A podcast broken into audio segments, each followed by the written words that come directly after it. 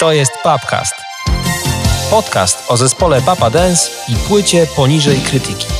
Zapraszam, Kuba Ambrożewski.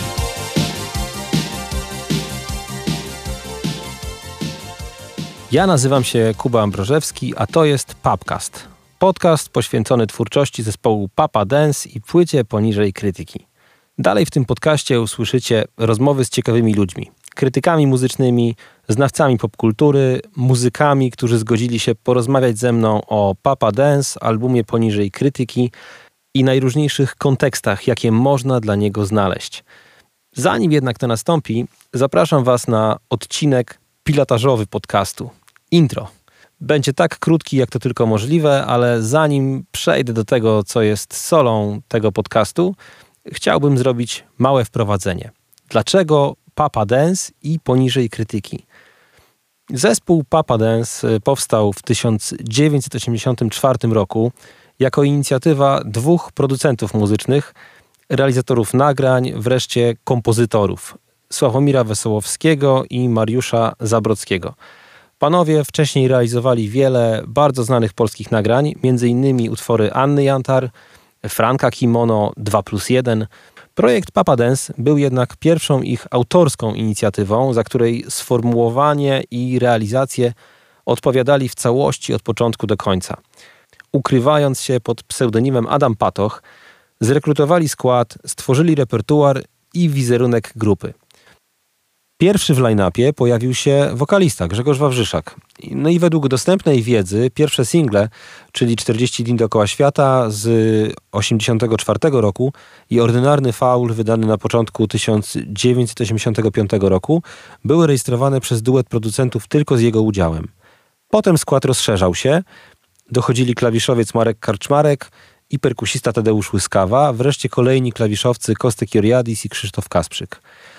Pierwsza inkarnacja Papa Dance zarejestrowała album zatytułowany po prostu Papa Dance e, i wydany w 1985 roku oraz koncertowała przez kilka miesięcy, aż do jesieni tego samego roku.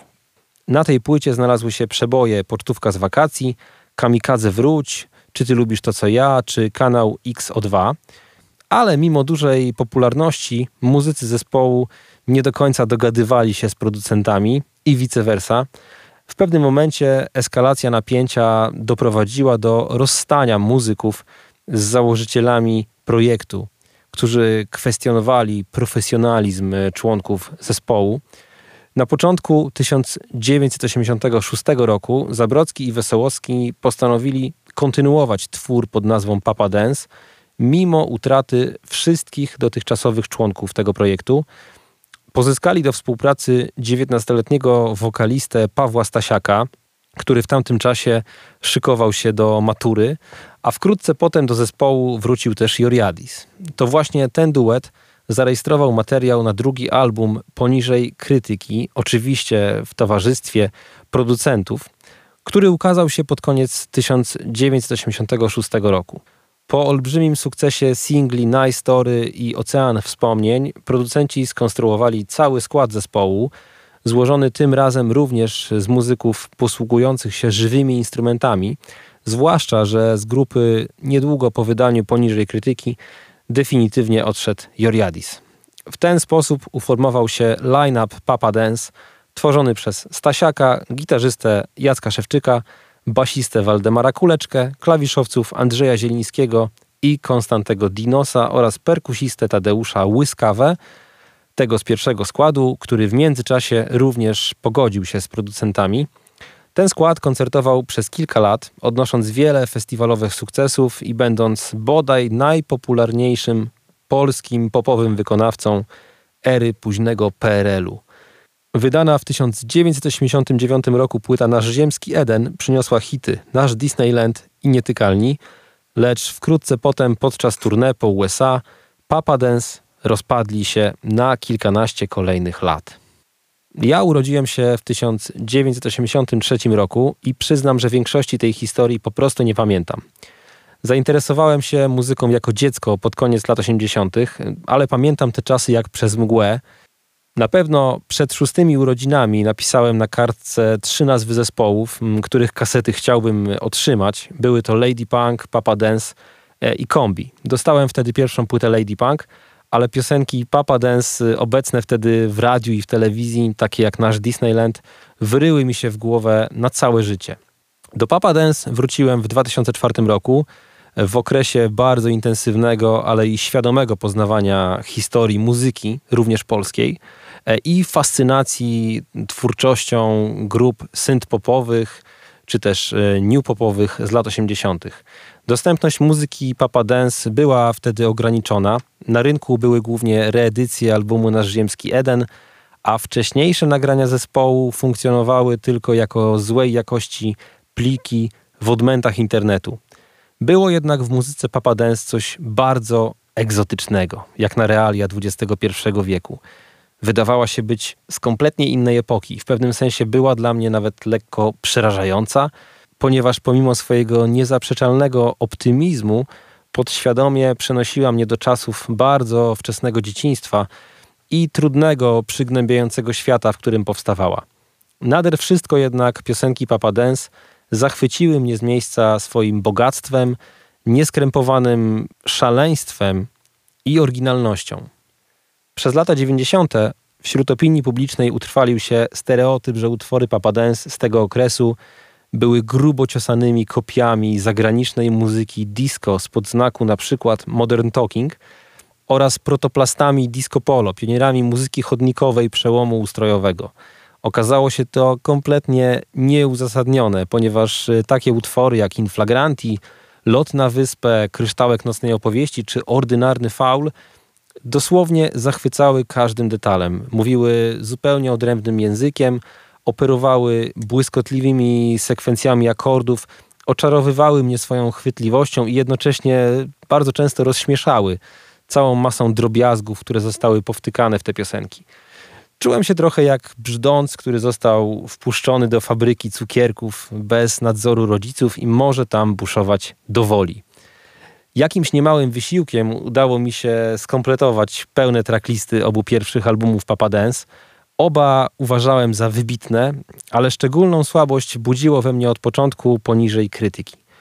Bo o ile debiutancki materiał, nagrany przez zupełnie inny przecież zespół, chociaż mowa tu w sumie głównie o różnicy w wokalach, to to rozróżnienie przynosi się, promieniuje na całą charakterystykę muzyki, jej klimat i też właściwości kompozycyjne. Tak więc o ile ten debiut Papa Dance to fantastycznie zrealizowany album, jednak w bardzo określonej, charakterystycznej dla tego okresu stylistyce takiego zimnego, postpunkowego wręcz synth-popu, to poniżej krytyki jest albumem, który wymyśla swój własny język. Zachwyca plastycznością i zapiera dech w piersiach jakością kompozycji od pierwszego do ostatniego utworu. To ściśle mainstreamowy album, pisany z myślą o masowym odbiorcy, często bardzo młodym odbiorcy, który jednak na tle ówczesnych polskich płyt jest czymś zupełnie odrębnym. Tę wiedzę posiadłem około 2005 roku i wraz z gronem innych wtajemniczonych y, osób zaczęliśmy stopniową ewangelizację swojego najbliższego otoczenia. To drobne, oddolne zamieszanie pewnie przyłożyło jakąś cegiełkę, chociaż w sumie nie znam tutaj tej historii, do ukazania się reedycji kompaktowych dwóch pierwszych albumów Papa Dance w 2008 roku, co pomimo niskiej jakości technicznej tych wydawnictw e, otworzyło wielu osobom dostęp do tych piosenek, do tych nagrań. W 2012 roku prowadzony przeze mnie wraz z gronem koleżanek i kolegów serwis screenagers.pl opublikował ranking Polskie Piosenki Wszechczasów, w którym Maxi Singiel zajął miejsce w pierwszej dziesiątce, a do pierwszej setki trafiło jeszcze kilka innych utworów Papa Dance, między innymi Pocztówka z wakacji, Olala czy Franki, czy Ci nie żal. Chwilę później serwis Porcys opublikował swoje zestawienie najlepszych polskich płyt XX wieku, sytuując pierwszy album Papa Dance na ósmym, a poniżej krytyki na pierwszym miejscu. Wszystko to spotkało się z dużym niezrozumieniem. Część dziennikarzy y, nieco starszego pokolenia, posiadających bardziej rokową optykę historii, uważała, że kieruje nami tylko chęć zaistnienia w możliwie najbardziej kontrowersyjny sposób, e, że to pomysł na zdobycie taniego rozgłosu, Tymczasem mogę mówić tylko za siebie, ale wierzę, że tak było we wszystkich przypadkach y, twórców tych zestawień. Nie było w tym żadnego wyrachowania, a wręcz przeciwnie, po prostu szczera chęć podzielenia się swoim e, entuzjazmem dla e, tych piosenek. To właśnie wtedy przestałem na poważnie brać jakiekolwiek opinie osób, które muzykę Papa Dance z pierwszych dwóch albumów porównywały w jakikolwiek sposób do disco polo. Minęły kolejne lata, ale dziś e, rzeczywistość nadal nie pomaga w prostowaniu tej historii. Konflikt prawny wokół zespołu Papa Dance, czy też Papa D, doprowadził do zupełnego pęknięcia pomiędzy grupą muzyków tworzących poszczególne składy mm, i będących tak naprawdę spadkobiercami dziedzictwa Papa Dance. Nowa muzyka tworzona przez obecny skład pod nazwą Papa D niestety nijak ma się do utworów, które zapewniły Papa Dance miejsce w historii polskiej muzyki pop. E, obaj producenci wycofali się wiele lat temu z życia publicznego. Zresztą pan Sławomir Wesołowski zmarł pod koniec 2020 roku, a z tego co mi wiadomo, pan Mariusz Zabrocki mieszka od dawna poza Polską. No i wreszcie sam odbiór muzyki Papa Dance z pierwszego okresu nie zmienił się jakoś diametralnie. Wyłączając środowiska muzycznych nerdów, e, nadal jest e, tak, że tworzony w Polsce i zaśpiewany po polsku synth-pop dużej części społeczeństwa kojarzy się jako drogowskaz dla disco polo, e, czyli po prostu muzyka, której nie wolno traktować poważnie. Jest tak, jak gdyby historia w dużej mierze zadecydowała już dawno temu o roli Papa Dance w encyklopediach i nie była w stanie niczego w tej materii zmienić. Celem tego podcastu nie jest jednak odkręcanie tej historii. Na pewno nie jest też nim rozsiewanie zaślepionego entuzjazmu czy wpychanie muzyki Papa Dance na siłę do gardła komukolwiek, kto po prostu tego nie czuje. Chciałbym raczej wspólnie z zaproszonymi gośćmi pokazać, że przede wszystkim muzyka wczesnego Papa Dance, bohaterowie tej historii i ówczesna Polska, która odbija się w największym stopniu w tych piosenkach, to niezwykle ciekawe i wciąż słabo opisane, słabo zbadane zjawisko. I o tym właśnie będzie ten podcast.